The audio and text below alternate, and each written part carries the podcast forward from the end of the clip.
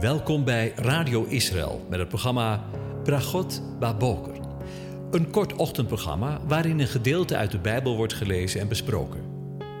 Met Bragot Baboker wensen onze luisteraars zegeningen in de ochtend. Presentator is Kees van de Vlist. Goedemorgen, Boekethof, beste luisteraars. Vanmorgen denken weer verder na aan de hand van Psalm 90 over de terugkeer van de Messias. Want we lezen in Psalm 90, vers 14: Keer weer, ene, tot wanneer? Heb deernis over wie u dienen. We willen in het kader van Psalm 90 voor de laatste keer stilstaan bij de terugkeer van de Messias. Ik zei het al eerder: de terugkeer van de Messias is niet zoiets als een theoretische wetenschap. In de zin dat je op de hoogte zou moeten zijn dat Yeshua terugkomt op deze aarde en hoe alles daaraan vooraf gaat en hoe alles dan zal verlopen. Als een soort wetenschap. Als het niet meer is dan dat, dan ben je eigenlijk arm. En ben je de werkelijke boodschap van zijn terugkomst misschien wel een beetje misgelopen. Want weet je dat weinig onderwerpen vanuit Gods woord wellicht zo'n grote praktische waarde voor ons leven hebben? De verwachting van de wederkomst van de koning van Israël en deze wereld is cruciaal en wil ons leven stempelen. De voorgaande keer stonden we stil bij twee praktische aspecten. De terugkeer van de Messias vraagt ons om waakzaamheid en nuchterheid. En twee, de terugkeer van de Messias vraagt ons eveneens helder inzicht en fijngevoeligheid. Vandaag vervolgen we de laatste twee aspecten. De terugkeer van de Messias vraagt ons om ijver en om trouw. We lezen erover in Matthäus 24, vers 45 tot 46. En ik lees het aan je voor. Wie is dan de trouwe en verstandige dienaar? Die zijn heer over zijn personeel aanstelt om hun het voedsel op hun juiste tijd te geven. Zalig zij die dienaar die door zijn heer bij zijn komst zo handelend aangetroffen wordt. Hier zien we dus duidelijk dat er sprake is van ijver en trouw. Maar dat zien we eveneens in Matthäus 25, vers 19. En daar lezen we: Na lange tijd kwam de Heer van de dienaren terug en hield afrekening met hen. En degene die vijf talenten had en ontvangen had, kwam en bracht nog vijf talenten met hem. En hij zei: Heer, vijf talenten hebt u mij gegeven. Zie, nog vijf talenten heb ik aan winst gemaakt. Zijn heer zei tegen hem: Goed gedaan, goede trouwe dienaar. Maar over veel zal, over weinig bent u trouw geweest, over veel zal ik u aanstellen. Ga in in de vreugde van uw Heer. De Heer Jezus vergelijkt zijn discipelen met slaven van een Heer die op reis is. Als hij terugkomt, zal de Heer rekenschap vragen van zijn slaven en hen belonen naar hun werken. Zo is het ook bij de wederkomst van de Heer Jezus. Als hij komt, zullen wij voor zijn rechterstoel geopenbaard worden en beloond.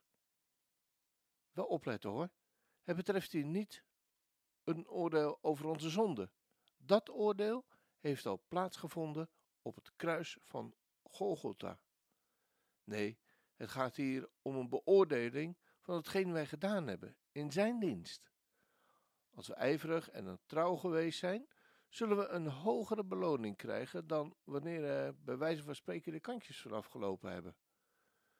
De woorden van de Heer, mijn loon is bij mij, zijn bedoeld als een aansporing om ons meer en meer in te zetten in zijn dienst.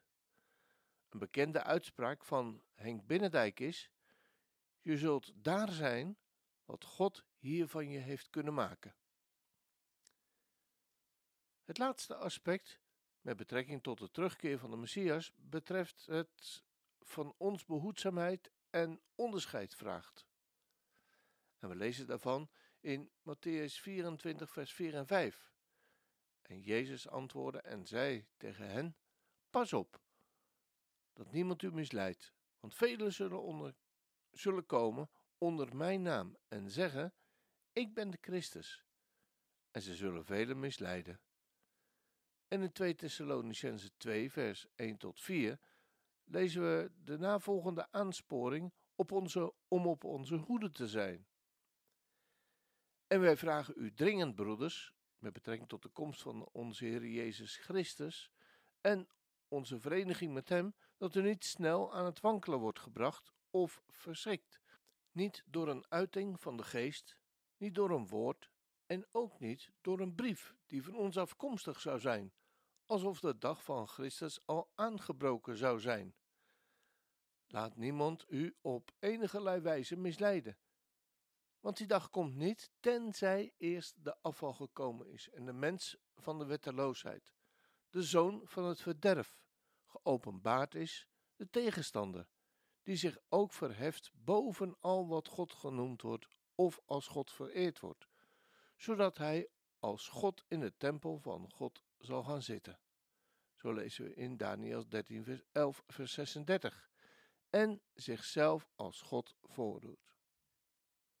En als laatste lezen we 1 Johannes 4, vers 1 tot en met 6. Geliefde, geloof niet elke geest, maar beproef de geesten of zij uit God zijn. Want er zijn veel valse profeten in de wereld uitgegaan. Hieraan leert u de geest van God kennen. Elke geest die beleidt dat Jezus Christus in het vlees gekomen is, is uit God. En elke geest die niet beleidt dat Jezus Christus in het vlees gekomen is, is niet uit God. Maar dat is de geest van de antichrist, waarvan u gehoord hebt dat hij komt, en die nu al in de wereld is. Lieve kinderen, u hebt uit God, u bent uit God en u hebt hen overwonnen. Want hij die in u is, is groter dan hij die in de wereld is. Zij zijn uit de wereld, daarom spreken zij uit de wereld, en de wereld luistert naar hen. Wij zijn uit God. Wie God kent, luistert naar ons. Wie niet uit God is, luistert niet naar ons. Hieraan herkennen wij de geest van de waarheid en de geest van de dwaling. De Heilige Geest waarschuwt ons vele malen dat er in deze tijd, vlak voor de wederkomst van de Heer, valse leraars en valse profeten zullen optreden. We moeten ervoor oppassen dat we niet misleid worden. Velen zullen komen en zeggen: Ik ben de Christus. En anderen zullen leren dat de dag van de Heer al is aangebroken. Hoe weten we nu dat we met misleiders te maken hebben? Hoe kunnen we de geest van de antichrist onderscheiden?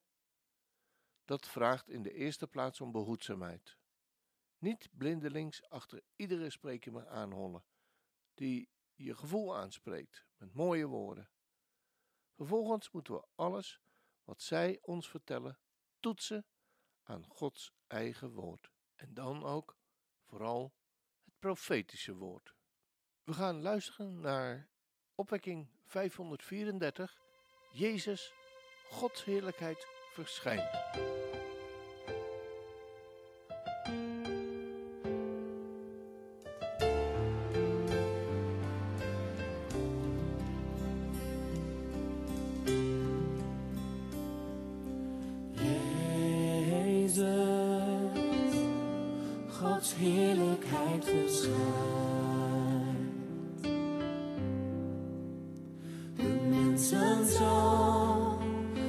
zoon van God, zo koning zijn.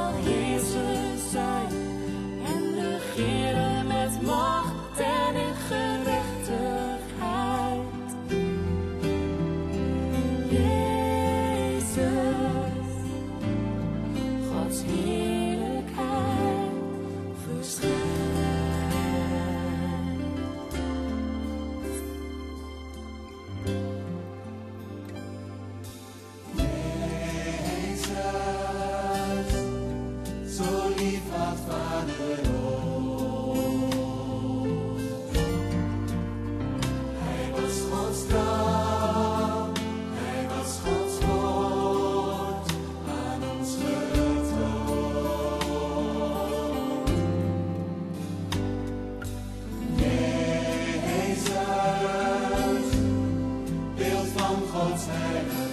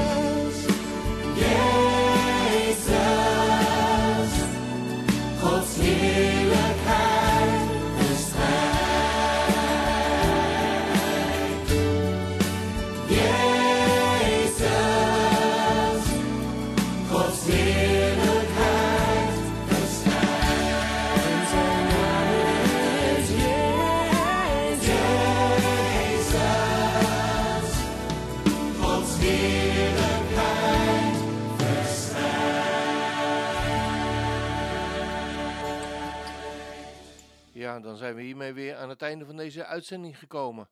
En wens ik u God zegen toe voor deze dag. Een van de luisteraars vroeg mij de volgende zegen uit te spreken. Mogen de Messias, die wandelt op doorboorde voeten, met jou wandelen op de weg.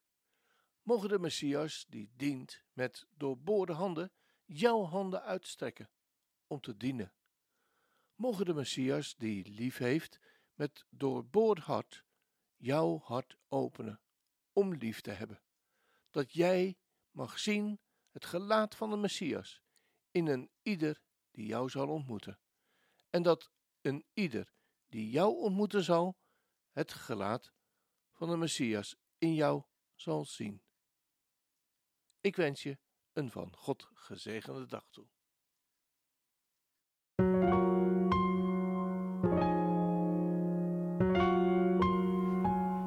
U hebt geluisterd naar het programma Bragot Baboker. Een kort ochtendprogramma waarin een gedeelte uit de Bijbel wordt gelezen en besproken. Wilt u het programma nog eens naluisteren, dan kan dat. Ga naar radioisrael.nl en klik onder het kopje radio op Uitzending gemist.